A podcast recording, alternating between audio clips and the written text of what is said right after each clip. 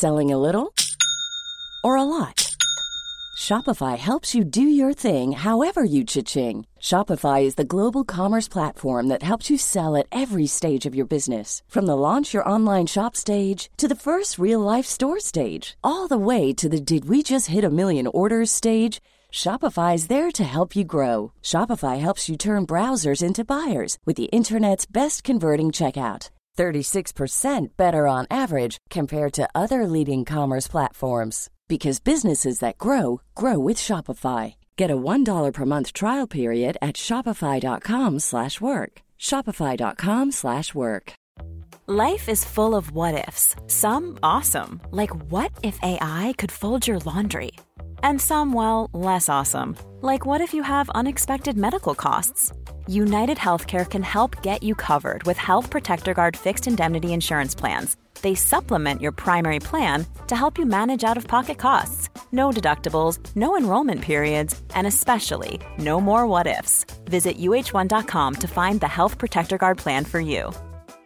Hiring for your small business? If you're not looking for professionals on LinkedIn, you're looking in the wrong place. That's like looking for your car keys in a fish tank. LinkedIn helps you hire professionals you can't find anywhere else, even those who aren't actively searching for a new job but might be open to the perfect role. In a given month, over 70% of LinkedIn users don't even visit other leading job sites. So start looking in the right place. With LinkedIn, you can hire professionals like a professional. Post your free job on linkedin.com slash people today. Hey, it's Ryan Reynolds, and I'm here with Keith, co-star of my upcoming film, If, only in theaters May 17th. Do you want to tell people the big news? All right, I'll do it. Sign up now and you'll get unlimited for $15 a month in six months of Paramount Plus Essential Plan on us. Mintmobile.com slash switch. Upfront payment of $45 equivalent to $15 per month. Unlimited over 40 gigabytes per month. Face lower speeds. Videos at 480p. Active Mint customers by 531.24 get six months of Paramount Plus Essential Plan. Auto renews after six months. Offer ends May 31st, 2024. Separate Paramount Plus registration required. Terms and conditions apply if rated PG.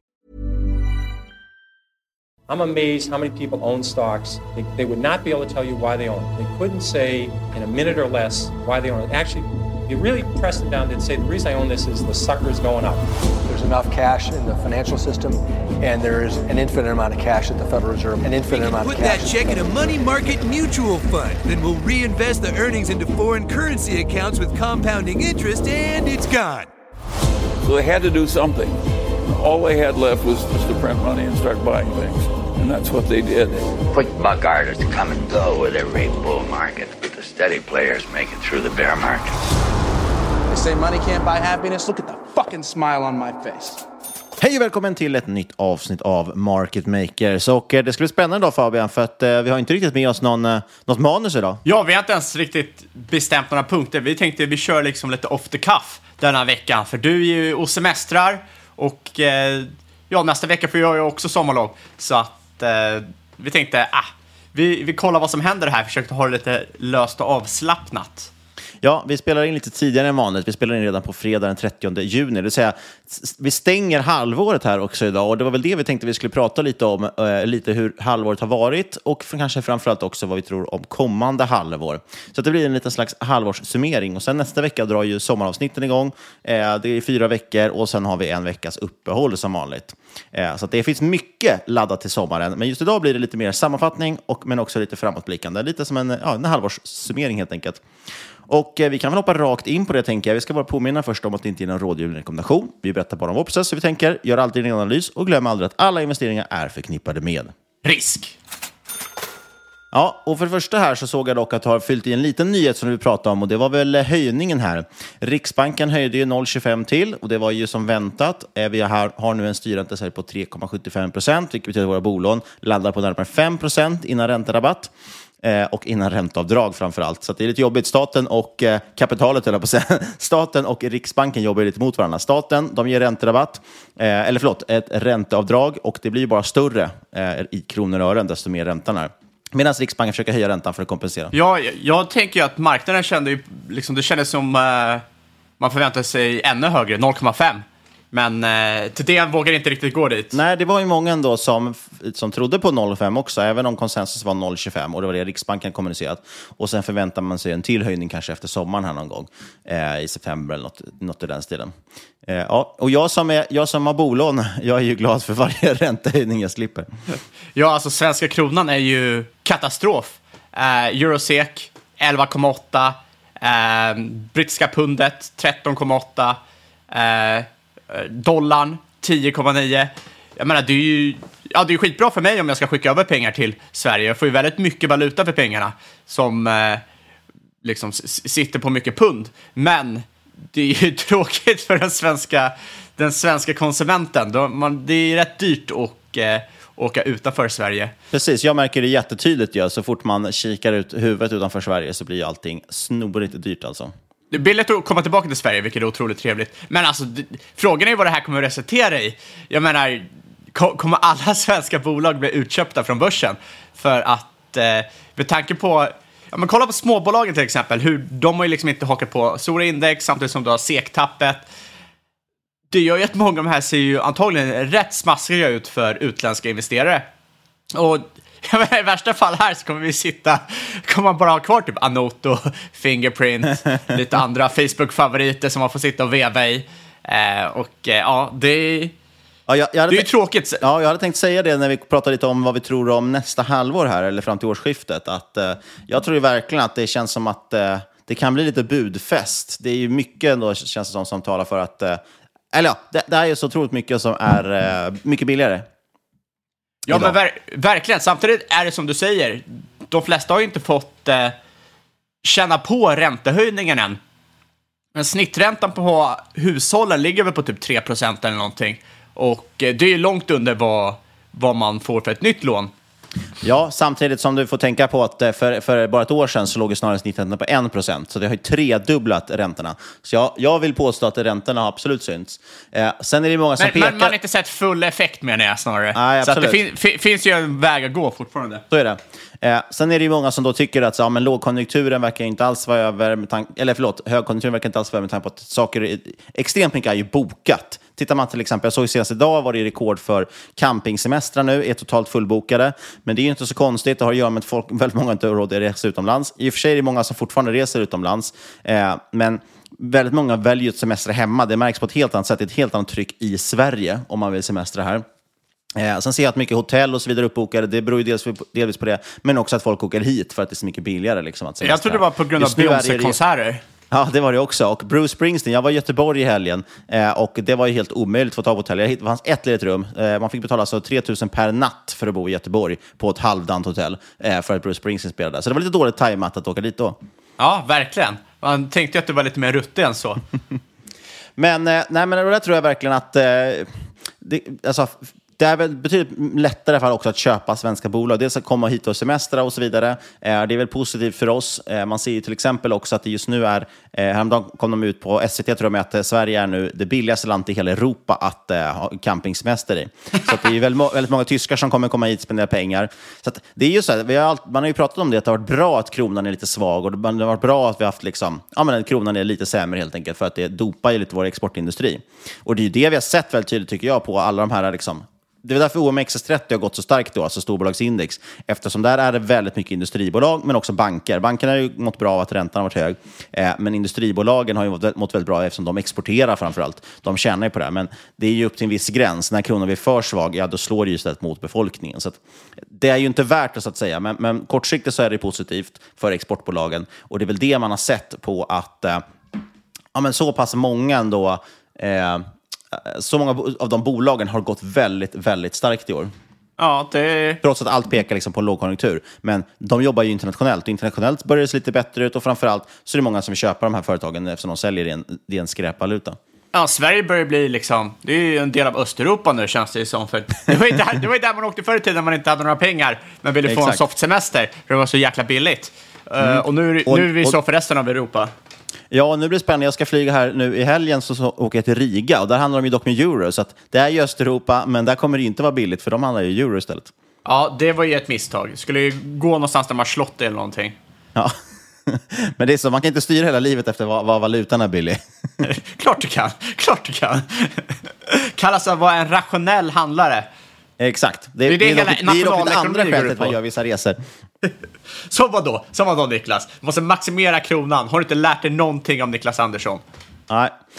Eh, men intressant i alla fall. I Sverige som sagt, storbolagen har gått väldigt bra. Småbolagen däremot katastrof, vilket ju då är jättekul för en själv som sitter i bara småbolag. Eh, vi kan ta som exempel, om vi kollar då på, nu är det amerikansk statistik då, men tittar vi på skillnaden nu mellan small cap i USA eh, eftersom det är amerikansk statistik jag har, eh, mot large cap, så är det den största just nu rabatten inom citationstecken på small cap eh, mot eh, large cap på över 30 år. Eh, den enda gången under de senaste 50 åren, alltså ett halvt sekel, så har det bara vid ett enda tillfälle, tillfälle varit större liksom, skillnad i pris mellan stora och små bolag. Och det var under dotcom-bubblan. Eh, så i det här läget så är det helt enkelt, eh, alltså jag vågar ändå påstå, eller jag, jag tror väldigt starkt att småbolagen kommer att komma tillbaka från det här. Det är inte så att småbolagen kommer dö ut för evigt. Eh, jag tror att det är, det, det är otroligt mycket intressanta lägen just i de här bolagen. Eh, Absolut och ett bolag som har chockat till exempel på just bland storbolagen, det är H&M också till exempel. Plus 65 procent i år. Det var inte många som såg den komma. Eh, väldigt intressant faktiskt. Och eh, samtidigt som man just nu, precis, den var ju upp 15 procent var det väl igår, torsdag den 29 juni. Eh, och det var ju för att man ja, helt enkelt levererade lite bättre än vad man trodde. Samtidigt som det är intressant är, de håller på samtidigt med den här skandalen, den tror jag dock bara blossar upp i Sverige och Sverige är ju inte liksom hela världen, bokstavligt talat.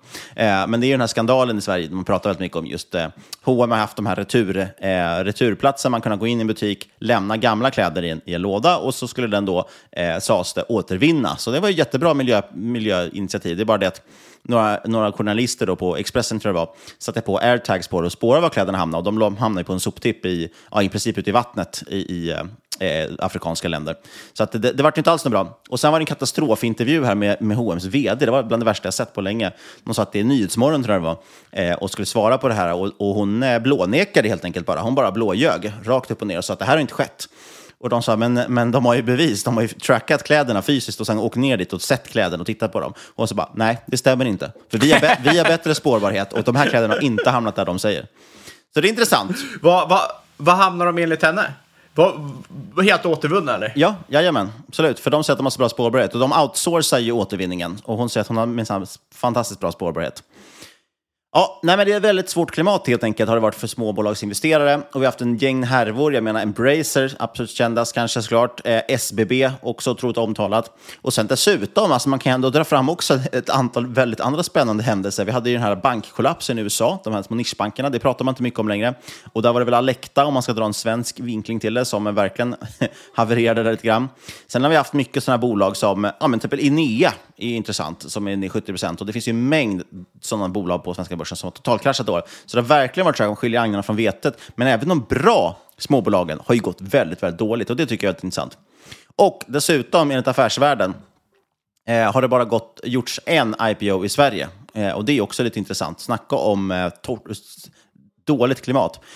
Botten är här, botten är här mina vänner.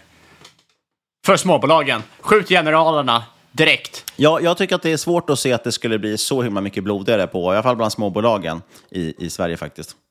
Nej, du skulle behöva någon rätt eh, extrem händelse för att eh, de skulle skjutas ännu mer. Speciellt när du kollar på, som du säger, även de absolut bästa småbolagen har handlats ner en del. Eh, ser billiga ut. Och sen har du ju de liksom kassabolagen, de har ju handlats ner fruktansvärt mycket. Så nu ser ju de billiga ut. Och även om de kanske har taskigt management och management skjutit ut sig lite, så är det många här bolag här du kanske hittar som handlas till liksom tre gånger fritt kassaflöde några år ut. Och då helt plötsligt, då är det en helt annan grej. Då är det ju värt att ta en liten, ta en liten stek i de typen av bolag. Um, så att uh, jag vet väl, ja, om man inte bryr sig så mycket om att ha eh, liksom kortsiktig avkastning, kan underprestera lite kortsiktigt för att långsiktigt ha lite bättre avkastning, då tror jag ju småbolagen kommer ju vara där man vill vara snarare än stora. Eh, Men vem vet, vem vet? Vi eh, eh, har ju inte en 100% hitrate på sånt om man säger så. Nej, det är alltid svårt på, på kort sikt att säga om saker. Eh, Sen är det intressant också, eh, Stefan Telenius som vi har nämnt tidigare i podden och har väl medverkat också vid tillfälle, eh, tyckte jag skrev en intressant grej på sin blogg eh, nyligen, där han skrev om just med ISK mot kapitalförsäkring, eh, där de har varit relativt likvärdiga förut, i och med att båda två baseras har ju en schablonbeskattning eh, och istället för vinst, vanlig vinstskatt, och de har ju, den är ju baserad på räntan. Och nu när räntan har kommit upp så mycket så börjar ISK bli mer och mer intressant. Framförallt just för att en KF den drar ju alltid schablonen rakt upp och ner på dina innehav, eh, medan en ISK det hamnar ju på deklarationen, den schablonskatten. Och där kan den kvittas mot dina räntekostnader. Åh, helvete. Så det måste jag ändå bara säga att eh, det, är, eh, det är värt att, att titta vidare på det. Eh, att fundera på om man kanske ska ha en ISK istället för en KF om man inte haft det.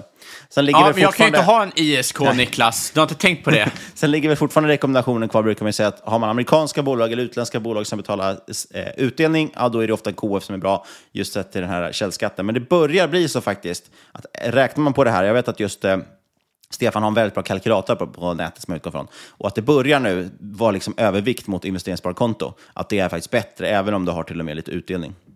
Är det någon som inte har svenska bolag i ett ISK? I ISKen? Vad säger du? Är det någon som inte har svenska bolag? Ja, men alltså jag tänker, du, du, du säger det, ja, men har du utländska bolag har du det i KF för utdelning och annars har du ISK. Men tänker jag, är det någon som inte gör det? Jag har ju alltid kört i princip bara ISK, förutom för, för vårt bolag då så har vi ju kapitalförsäkring. Men jag har ju nästan alltid försökt hålla saker i ISK och sen har jag en vanlig depå också. Är det för att du gillar allting i samma depå? Jajamän. Shit, så, så, så du kan, kan inte starta upp en typ ny depå där du testar någon typ så här strategi? eller har typ så här li, li, lite bitcoins och sådana grejer? Ja, Jag har haft, det, jag har haft sådana saker på andra ställen då snarare, men, men oftast har jag försökt hålla saker och ting i en ISK. Jag tycker det är smidigare. Eh, det har också varit lättare, om man vill nyttja en kreditlina på det, så har det varit lättare också på ett konto. Kör du bara Eh, en men mäklare också? Men, för, nej, men framförallt så vill man, inte, vill man inte hålla på och flytta saker emellan, för så fort du flyttar in pengar på en ISK så blir det beskattningsbart. Så du vill ju hålla uttag och insättningar till ett minimum. Ja, det är sant. Men, ja. Och sen, sen ska det tilläggas att jag har inte ägt särskilt mycket utländska utdelningsbolag, så för mig har det inte kostat någonting att jag har det på det sättet. Nej, det är faktiskt rimligt. Jag äger inte så jättemycket. Jo, det är fan en del bolag man har nu som betalar utdelning och kommer börja göra det, men eh, rent historiskt har man inte haft det. Ja, ska vi prata lite då om medvind och motvind under året? Vad har gått bra, vad har gått dåligt det här första halvåret? Ja, förutom det att man hade ju liksom... Eller jag sa ju i början på 2023, eller slutet 2022 hade vi vår årssammanfattning att jag inte hade noll koll på vart börsen skulle ta vägen 2023. Otroligt svårt att säga om. Men jag, var ju också, jag tyckte ju också att det var en jäkligt dålig trade att ta eh, den här Ponsinomics-traden. Du talar om de här techbolagen som inte riktigt har någon affärsmodell och köper dem. Och det visade sig vara en tokbra trade, för alla de bolagen har ju gått upp i stort sett eh, fram till relativt nyligen. Så där hade man ju, hade man ju rätt fel. Men ja, jag tycker fortfarande att 2023 har, har, har varit rätt, rätt svårt. Eh, personligen har väl avkastningen varit rätt bra, men vollan har varit extremt hög. Eh, mitt årshögsta nåddes väl i februari-mars ungefär och sen har det ju liksom svajat upp och ner därifrån med typ 20 procentenheter eh, flera gånger.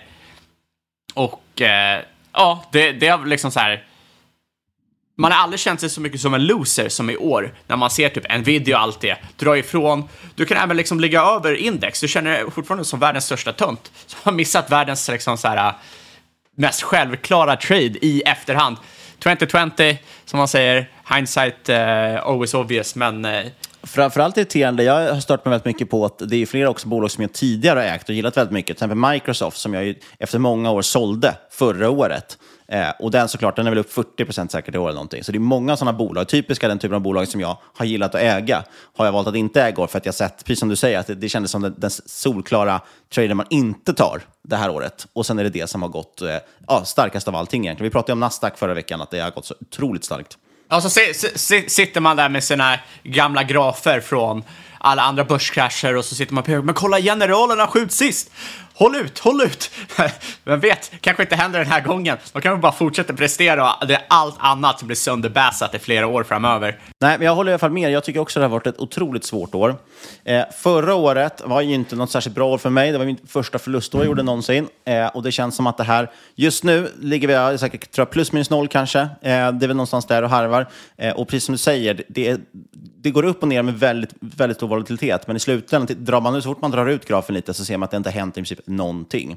Eh, så det har varit ett ganska frustrerande år tycker jag. Eh, och det känns lite som att jag har försökt vara ganska passiv, eh, men liksom väver in vissa korta trades, så det är framförallt de jag kanske lyft upp i podden som är intressanta. Nu senast pratade vi om Duni till exempel, som är en rapporttrade. Eh, och vissa av de där har varit eh, eh, svåra tycker jag. För ibland, man, man, när man blir så här kortsiktig, man ska göra någonting kort, då är det lätt också att man inte håller ut hela vägen. Man ser någonting som är intressant, eh, hoppar in på det och sen så håller man inte ut det, eh, fullföljer man inte. Så att, jag tycker det har varit ett svårt då. Jag känner att mitt, mitt tålamod och mitt eh, självförtroende har prövats väldigt, väldigt mycket under året. Ja, alltså allmänt för mig så är det ju eh, verkligen, det är ju några få bolag i portföljen som har stått för all avkastning. Och sen har ju resten varit... Du har ju bara några få bolag. Ja, men jag har, eh, jag har väldigt hög omsättning. Jag har en väldigt tight portfölj, absolut. Eh, men jag har också rätt hög omsättning, för det, liksom, det kommer ju upp saker som du hittar bättre bolag, bättre RR, eller du kommer på att tesen inte håller det, så inser du att oj, det här har jag helt missat, eller jag förstår inte det här, och så byter man ut bolag. Så att det, det är liksom så här, så, så över hela året så har jag faktiskt haft rätt hög omsättning, lite för hög omsättning på vissa mindre av de bolag man har i portföljen. Eh, och majoriteten av dem har ju bidragit till diversification. Eh, men man har haft lite tur där i alla fall, att de som har varit lite mer size på har faktiskt presterat helt ok under året. Men jag tror också att jag har lagt lite mycket tid på, på att studera saker där avkastningen säkert kan vara bra, men inte nödvändigtvis är bättre att liksom inte nödvändigtvis är bättre avkastning än något annat man har i portföljen, men det tar jäkligt mycket tid. Ett exempel till exempel mining. Extremt intressant tycker jag, många billiga bolag. Eh, otroligt liksom attraktivt narrativ där. Det är ju samma narrativ som oljan. Men du ser, är det liksom, kommer du få bättre avkastning där än till exempel offshore? Kanske, kanske inte, men det tar ju otroligt mycket tid att sitta och läsa in sig på den industrin. Eh, för en industri där jag kanske inte skulle någonsin överväga att ta ett bett över 5-10% av portföljen. Ehm, så det har varit lite, såna, lite mycket sådana saker i år eh, som har bidragit till att man kanske har eh, diversifierat en del. Om man ska vara helt ärlig. Allmänt tror, tror jag liksom att man, man ska det finns ju en sak med att man inte ska gå utanför sin, inte sin komfortzon, vad är det Peter Lynch brukar säga? Circle of competence. Circle of competence. Exakt, exakt. Du ska ju gå utan, utanför din circle of competence. Det är det enda sättet du kan lära dig att bredda den. Men problemet är när du liksom tar dig an för mycket, för snabbt. Eh, då, blir det liksom, då breddar du ju inte cirkeln egentligen, du bara ställer dig utanför cirkeln och börjar bygga kanske en liten ny cirkel, men det går ju liksom inte in i resten. Eh, och det kan ju bli rätt rätt, rätt problematiskt för det blir lättare att missa väldigt tydliga och självklara saker som du hade vetat om du hade varit i din normala circular kompetens. Nej, och jag tycker att det också varit svårt. Jag har ju dock hållit mig mer till... Jag, jag tyckte att man känner att ens... Eh, övertygelse har prövats lite grann, som sa, och tålamod och, och självförtroende, men också övertygelsen om no någonting funkar. Och vi har pratat om det tidigare, när vi pratar om kvantitativa strategier till exempel, Magic Formula och så vidare, att när man följer en helt kvantitativ strategi, där man, inte, där man har i princip en black box, liksom man stoppar in någonting, eller man får ut en output ur en black box som säger det här ska du köpa, och så ska du bara köpa det. Att det är oftast väldigt svårt att slå, trots att de teknikerna funkar, så är de oftast väldigt svåra att slå över tid, för att du i perioder av underavkastning börjar tveka och liksom släpper den strategin. Men du måste ju hålla ut med strategin även när det inte funkar. Och Det är väl det som har varit irriterande i år, när man har ägt mycket småbolag, framförallt fokuserat väldigt mycket på värdering, just köpt saker till låga multiplar eh, och de låga multiplarna. Jag menar, det, det är ingen som förväntar sig att multipeln ska, ska förändras på ett halvår. Jag förväntar mig inte att bolagen ska uppvärderas på ett halvår, men det är lite frustrerande när man ser att storbolagen liksom sticker iväg till helt sanslösa multiplar och ens egna bolag i princip står och svajar bara. Eh, så det är väl det som har varit lite irriterande, men, men jag, tror ju fortfarande, jag litar ju fortfarande på processen, så det är ju bara att liksom hänga kvar. Men det där har varit lite irriterande. Eh, just när man ser att det är eh, väldigt starkt på andra håll, då blir man alltid lockad. Liksom. Det är lätt att få lite FOMO och kliva av det, det spåret man har valt. Ja, vilket är väldigt riskabelt. Man vill inte vara ja, den som vet... kommer, kommer in på toppen. Liksom. Det är alltid det som Exakt. Och, och, och, därför gör man ju inte det heller, så det är ändå skönt. Det har man ändå lärt sig under de här åren. men, men det är lätt att få FOMO och titta på det och, och bli lite, lite avundsjuk helt enkelt. Ja, bättre att stå... Man vill alltid Alltid ha bättre avkastning. Exakt. Uh, och det där är jäkligt svårt. Jag menar, uh, ja, det som har outperformat bäst för mig, det är ju fortfarande offshore i år. Uh, även fast man har haft några innehav där som varit liksom lite surdegar, så över hela, hela sektorn som man ägt så har det, har det varit väldigt bra. Men det har ju också som sagt varit väldigt det har inte hänt så mycket majoriteten av året där, så det har ju varit jäkligt segt när man ser Nvidia och liknande dra iväg. Eh, samtidigt så är man ju rätt tacksam att man har ju missat eh, större delen av, eh, av oljebäsen. Du, du har inte drabbats lika mycket av en nedgång som liksom, oljeproducenterna har. Jag såg precis att eh, en av de mer kända oljeförvaltarna från förra året, Andurand, eller vad han heter, han tjänar väl några miljarder dollar på att liksom, klocka in oljetraden. Han har ju typ torskat hela, hela portföljen i år för att han trodde att olja skulle gå till eh, nya rekord, record highs. Så det har varit ett svårt år för många, många commodity traders också. Eh, men eh, jag tror väl att så länge man har värderingen på sin sida, man har en bra story, bra narrativ bakom, så är det bara att hänga på. Eh, jag tycker ändå som, som eh, ja men offshore tycker jag till exempel har ett klockrent upplägg. Det är många andra industrier som också har ett klockrent upplägg just nu. Eh, och som Howard Marks sa, uh, roulette, uh, roulette, rule one, most things will prove to be cyclical. Rule number two, some of the greatest opportunities for gain and loss come when other people forget. Rule number one. Och helt enkelt att i stort sett alla industrier är cykliska, eh, men över tid så glömmer folk bort det. De sitter kvar för mycket på det som går upp och så kommer vända och kollar inte alls på det som har gått ner och kommer vända. Ja, men verkligen. Och nu trillar vi in lite här på kanske med, med case framåt. Liksom så. Jag, jag håller ju med. Eh, som du säger, det är lätt, det vi var inne på, det är lätt också att jaga bollen hela tiden. Istället för, som Wayne Gretzky sa ju att han, han åker inte dit pucken är, utan han åker dit pucken är på väg. Eh, och det är väl det som är det knepiga här nu. Det gäller att liksom försöka någonstans, tror jag, att hålla sig ifrån det här som har gått allra starkast. För jag har, jag har väldigt svårt att se vad som skulle driva det framåt. Om vi tar två tydliga exempel, då, två tydliga sektorer. Vi har den här AIH som vi har haft, där det är Nvidia, och Nvidia absolut, de tjänar mycket pengar på det här AIH, i och med att de säljer GPU-erna till det. Men det finns en gräns för vad ett bolag kan vara värderat. Och absolut, du kan ha en till dotcom-bubbla, liksom, att det, det, ska upp ännu mer i stratosfären. Men det är alltid den vanliga frågan, när vet du hur du ska kliva av? Eh, för redan nu är det ju säkert ja, minst fem gånger dyrare än vad det borde vara, den med aktien. Eh, och när kliver du av? Så det är det svåra där. Har man något verktyg för att, för att lösa den miljondollarfrågan, ja då, då är det ju väl jättebra. Men annars är den väldigt svår. Eh, många av de andra bolagen som har gått väldigt starkt, om vi tittar på large cap i USA, Nasdaq och liksom big tech eller megatech, eh, det handlar ju väldigt mycket om att räntesänkningarna har börjat, eller min, mindre räntehöjningar ska jag säga, och sen till slut även räntesänkningar har börjat prisas in. Eh, och den storyn ni känner, det är ingenting okänt, det är ingenting som kommer komma nu och det, det kommer inte gå fortare än vad någon har trott nu. Liksom. Alltså, det finns inte särskilt mycket uppsida kvar på den traden känns det som. Eh, vad snarare ligger då, liksom, överraskningen kan snarare komma på nedsidan, att man märker att oj, inflationen kom tillbaks eh, och vi måste höja lite till eller vänta lite med räntesänkningarna och då kommer den typen av bolag straffas. Ben, det var... Jag vi pratade om förra veckan, att S&P 500 på samma nivå som när man börjar höja räntan. Mm. Och vilket jag tycker är rätt äh, absurt egentligen, för att du borde ju prissätta saker lägre med högre ränta. Men äh, ja, de har redan tagit ut i liksom förtur att räntorna ska ner. Ja, och sen vänder man på det hela, eller vänder man på det, om man vänder blicken mot Sverige istället så tittar vi på de här storbolagen nu i Sverige. Är det dags att köpa liksom OMXS30 nu och gå all in på någon indexfond?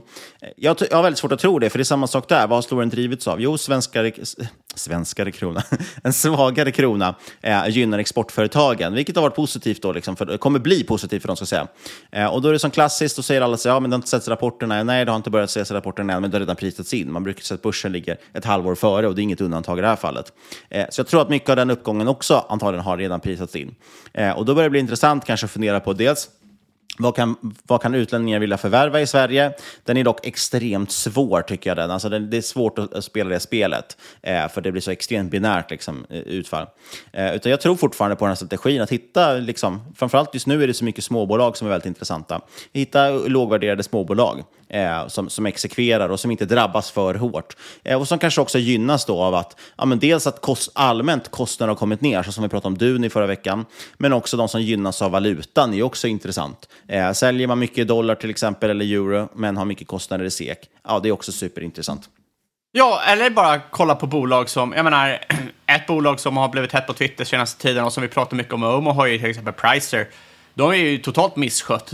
Schabblat bort nettokassa, nu nettoskuld, eh, nyemission, eh, kom, kom, kom ut igår. Eh, och kursen har ju... Kom villkoren igår? Ja, exakt. Eh, ja, det har jag faktiskt missat. Ku, ku, ku, kursen har ju havererat. Eh, och liksom, in, internsiffrorna ser ju sämre ut. Eh, men, liksom så här, det krävs inte mycket förbättring där för att du ska få väldigt trevlig avkastning. Uh, jag ser det bara på, idag är den faktiskt upp nästan 12 procent. Det spelas som sagt in fredag den 30 juni. Ja, var upp som 18 vid öppning har jag för mig ungefär. Uh, nej, men så, så, att det finns ju massor med sådana saker att kolla på också där det behöver inte hända så mycket. Du behöver bara, du behöver bara ha den här liksom Warren Buffett-stilen. Det är liksom, uh, du hoppas inte på för mycket, du tror bara att det kommer fortsätta som vanligt. när marknaden tror att det är, liksom, det är katastrof, då tror du att det kommer återgå till det normala över tid. Tror också för övrigt, Pricer pratade vi om i avsnitt 129, om inte jag ser fel här i mina anteckningar. Ja, men det var en helt annan story då kändes Verkligen, det som. men produkten är ju densamma och den är väldigt intressant. Problemet nu som vi pratade om det är att de gick ut med att de ska göra en nyemission, men man släpper inte villkoren. Vilket ju alltid är en... Eh, ja, det är fruktansvärt att göra så, för då är det ingen som vet eh, vad som kommer hända, helt enkelt. Eh, och då blir det för stor osäkerhet. Så att nu att de fått ut villkoren är superbra. Då vet man ju vad som gäller och då kan man titta på det och konstatera att det varit eh, ja, billigt. Jag gillar ju Prices produkt. Annars då, vad, vad, tittar vi på för sektorer framåt? Du är ju fortsatt eh, fullsmetad med offshore och olja, men eh, i övrigt, är det någonting vi tycker är intressant ett kommande halvår? Nu har jag bara pratat om de sektorer som jag tror inte kommer gå bra. Ja, vad, tycker, vad tycker du för intressanta eh, sektorer framöver då? Ja, men jag, som sagt, jag har precis pratat om vilka jag tycker man ska undvika. I övrigt så är det ju mycket case som, ja, men som jag redan pratat om i podden tidigare, som kanske inte är så liksom Eh, jag har, jag har inga stora överraskningar. Eh, jag gillar ju sagt Duni, har jag pratat om tidigare, där jag äger lite aktier. Eh, det tycker jag är intressant just för att de gynnas nu av, av eh, kostnader som har kommit ner. Det är typ av bolag som inte kollas på så mycket känns det som i allmänhet. Eh, New Wave har ju visat sig gå väldigt bra här på senaste tiden. Gick väl starkt i början på året, hade en liten dipp, kommit tillbaka lite. Också ett bolag som jag tycker ifrågasätts lite för mycket. Det är ju framförallt marginalen man ifrågasätter. Vi pratade om det här för några avsnitt sedan. Marginalen ifrågasätter många medan de själva hävdar att det, de har inga problem med det. Nu gick de ut med ett förvärv idag idag också. Ett förvärv de köpte för en krona, om jag inte läste helt fel. Det är tidigt på dagen, så jag har inte kollat så noga än. Eh, men eh, en krona köpte de ett annat bolag för, vilket är intressant. Och Torsten, jag vet inte, Torsten har näsa för affärer. Det är en ledning man kan ställa sig bakom. Eller en person i ledningen. Var det, ett, var det ett företag som gick med tokförlust här Jo, så var det absolut. Det, det finns en anledning till att man köper något för en krona. du får inte köpa Apple för en krona. Jo då, gör det, eh, Men man hävdar att man kommer kunna göra bra saker med det här märket. Så det är väldigt intressant. Och sen så tycker jag överlag, vi har ju fortfarande lite betting i vår bolagsportfölj och det tycker jag fortfarande är intressant. Jag gillar till exempel, vi gillar ju Betsson eh, som, som gynnas, tycker jag, ganska bra valutan eh, och gör rätt saker. Eh, även, vad heter det, Rake Take har vi ju kvar som fortfarande ser väldigt billigt ut. Och det man ska ta med sig med dem, det är ju liksom att, eh, liksom ganska gemensamt för alla de här bolagen pratar om, kanske undantaget Duni då. Eh, sen äger jag, äger jag ju även Note också som vi pratade om tidigare. Och gemensamt för de fyra senaste där som jag nämnde, det är ju att alla tycker jag har ett väldigt bra track record, väldigt bra ledning. Eh, men enligt mig det handlas lite för billigt eller borde vara åtminstone samma prislapp men ska växa bra. Eh, och det gör ju också, tycker jag, det är ett litet ankare att hålla sig fast vid när det stormar. Eh, när det går dåligt för småbolagen, nu är inte Note kanske riktigt småbolag längre då, men eh, när det går dåligt för en typ av bolag så, så är det ganska skönt att kunna hålla sig i det här eh, någonstans. Och sen absolut, jag vet inte, Betsson kanske är för stort för att köpas ut, men, men de är ändå rätt sektor. RakeTech är, är absolut ett intressant kanske uppköpscase också. Eh, så att, ja, det tycker jag är intressant bolag. Eh, lite så här kortsiktigt, jag har ju även lite solcellsbolag, eh, men, och det har jag pratat om tidigare på podden, men inget jag behöver ta upp nu tror jag. Eh, en sista sån liten spekulations kortsiktig trade, det är ju Scandic. Eh, och det, det, bygger ju mycket på att de här hotellpriserna sett nu senaste tiden är ju helt galna. Eh, och det, det, går i princip inte att få tag på hotellrum och de hotellrum du får tag på är så sjukt billiga. Eh, så det är en liten sån här trade på just det här resegrejen. Att eh, antagligen fler kommer resa inhemskt, fler kommer komma hit och resa. Ja, det är en riktig sån story trade som jag, som jag har tagit ett litet bett i alla fall. Ja, vilket inte jag tror är helt fel. Eh, nej, men jag, jag är på samma samma väg du är där. Uh, betting, alltså det, det kommer ju vara terminalt billigt. Uh, offshore, uh, det ser så jäkla billigt ut. Jag tycker storyn fortfarande håller. och som sagt, du slipper mycket, mycket stress och press från att bara äga de här producenterna. Och så har du liksom högre operativ hävstång, ibland också högre finansiell hävstång, vilket är trevligt. defense, tycker jag man ser många intressanta bolag. Där kommer det vara liksom sekulär tillväxt. och det kan man inte tacka nej till. Vi har några liksom svenska nykomlingar på börsen där eh, som är väldigt intressanta att kika in. Vissa kanske ser lite dyrare ut, men många har rätt stabil tillväxt eh, kommande åren antagligen. Och sen har vi rätt många kvalitativa svenska småbolag eh, och det är väl där jag tror att man kommer kunna tjäna rätt mycket pengar eh, kommande åren. om man bara vågar hoppa in. Den kom på, jag har ju faktiskt ett medtechbolag som jag tyckte var lite intressant. Eh, och det är ju ProMimic. Jag vet inte om vi har pratat om dem i podden, jag tror inte det. Uh, nej, var inte det det som såg snuskigt dyrt ut? Det beror på vem man frågar. Jag tycker inte det. Börsvärt är runt 400 miljoner, så det är ganska litet bolag, låg omsättning. Det har ju varit min nya grej. Men du, ska alltid du ska alltid pumpa dina illikvida bolag. Snart kommer polisen och knacka på. Alltså. Ja, och jag hinner inte dra hela, eller hinner, men vi ska inte dra hela caset idag. Eh, och vi kommer antagligen, ja, det får ju bli som tidigast då efter semestern, men det är som sagt ganska illikvitt bolag. Eh, kortfattat kan man väl säga det som är lite intressant med den, den var ju uppe, den stod ju 25 spänn någonting förut, nu var den uppe på 30 någonting som mest. Eh, nu är den nere på runt 25 igen och det är väl en ganska intressant prislapp, runt 25 eller kanske ännu hellre runt 20 hade man gärna velat köpa det. Eh, det intressanta där är det är väl för det första väldigt mycket duktiga medtech-profiler med, men sen handlar det om egentligen att de gör ju en typ av eh, eh de håller egentligen på med det som kallas för ytmodifieringar, men i, i slutändan det handlar om implantat. Eh, inom ortopedin och även inom, eh, tand, tandlä bland tandläkare så gör de olika typer av implantat. Eh, och när du ska sätta in dem så vill du egentligen inte att de ska stöta ifrån sig kroppen. Och då, gör, då kan man behandla ytan på de här implantaten så den ska fästa bättre, eller sitta bättre kan man väl säga. Eh, och de har väl lite, jag har ju pratat också med en väldigt duktig ortoped eh, om det här lite grann, och eh, eh, kontentan är väl egentligen att de får det låta lite som att de, som att de har liksom förvandlat eh, vatten till vin som Jesus. Alltså de, de kommer med nästan ett mirakel. Och så, så är det ju inte riktigt, utan det är ju en det är ingen superrevolutionerande produkt egentligen, men däremot så har de ny, ett nytt sätt att jobba med den produkten som är lite intressant. Och kan de ta en liten del av den marknaden, i och med att den marknaden är så pass stor, så kan det fortfarande bli ganska intressant och, och ganska, blir inte liksom allt den eh, särskilt ansträngd eh, värdering egentligen på det. Så det skulle kunna kanske vara förhoppningsvis någon form av lite Kanske skulle kunna vara något nytt litet bone support på sikt här som, som blir lite förvaltarfavorit. Så det kan vara intressant att titta på, men som sagt, låg likviditet, väldigt hög risk. Eh, ta med er det och vi har inte, som sagt inte gått igenom långt ifrån alla detaljer i det. Det är kort hisspitch. Ja, exit liquidity är det enda jag hör här till en viss poddare. Nej, vi, gör ju så, vi säljer ju aldrig någonting i samband med att vi, vi gör podden, så det, ja, Ja, men hur ska man summera halvåret då slutligen? Det har varit ett tufft, tufft halvår. Eh, väldigt mycket förvånande saker som har skett. En del kanske självklarheter, så här, tydligt liksom räntan går upp, ja, då går fastigheter dåligt. Inte så konstigt kanske. Eh, men eh, väldigt också mycket förvånande saker. Typ den här AI-håsen som kom helt plötsligt, fast att AI har funnits på tapeten länge. Eh, den här håsen bland storbolag, megacap, svenska stora exportföretag och så vidare. Eh, men sagt, jag tror inte riktigt på att den trenden kommer fortlöpa särskilt länge till. Sen är det svårt att veta under sommaren. Jag menar, vi pratar ju, alltid lite sommarstiltje på börsen. Men under hösten kan jag tänka mig att det tar en helt annan vändning. Och, eh, ja, jag står väl fast vid mina småbolag i alla fall. Det är väl det jag kan summera här och, och som jag tror på eh, kommande halvår. Ja, jag sitter ju här och hoppas på att eh, vi ser oljehåsen 2.0 och kommer sitta och gråta tills dess. Och det kommer väl aldrig hända igen. Oljan är över. Det, grön energi är framtiden. Eh, vi får se. Vi får se vad som händer. Men det har varit otroligt trevligt för portföljen om det faktiskt infriade sig. Och med det så är ju det sista ordinarie avsnittet för eh, det här halvåret slut innan sommaren. Nu följer som sagt vår sommarserie, fyra avsnitt, ska bli väldigt spännande. Vi har ju pratat om flera bolag som vi har intressen i. Vi har försökt nämna det under avsnittets gång, så att som vanligt, tänk på att det inte är någon rådgivning eller rekommendation vi håller på med. Alla åsikter är våra egna, eller gäster och eventuella sponsorer tar inget ansvar för det som sägs i podden. Tank på att alla investeringar är förknippade med risk och sker under eget ansvar. Kontakta oss på podcast at marketmakers.se eller på Twitter och eucaps at marketmakerspod och lämna gärna en recension på iTunes. Och sist men inte minst, kära lyssnare, stort tack för att just du har lyssnat. Vi hörs igen om en vecka med årets sommaravsnitt.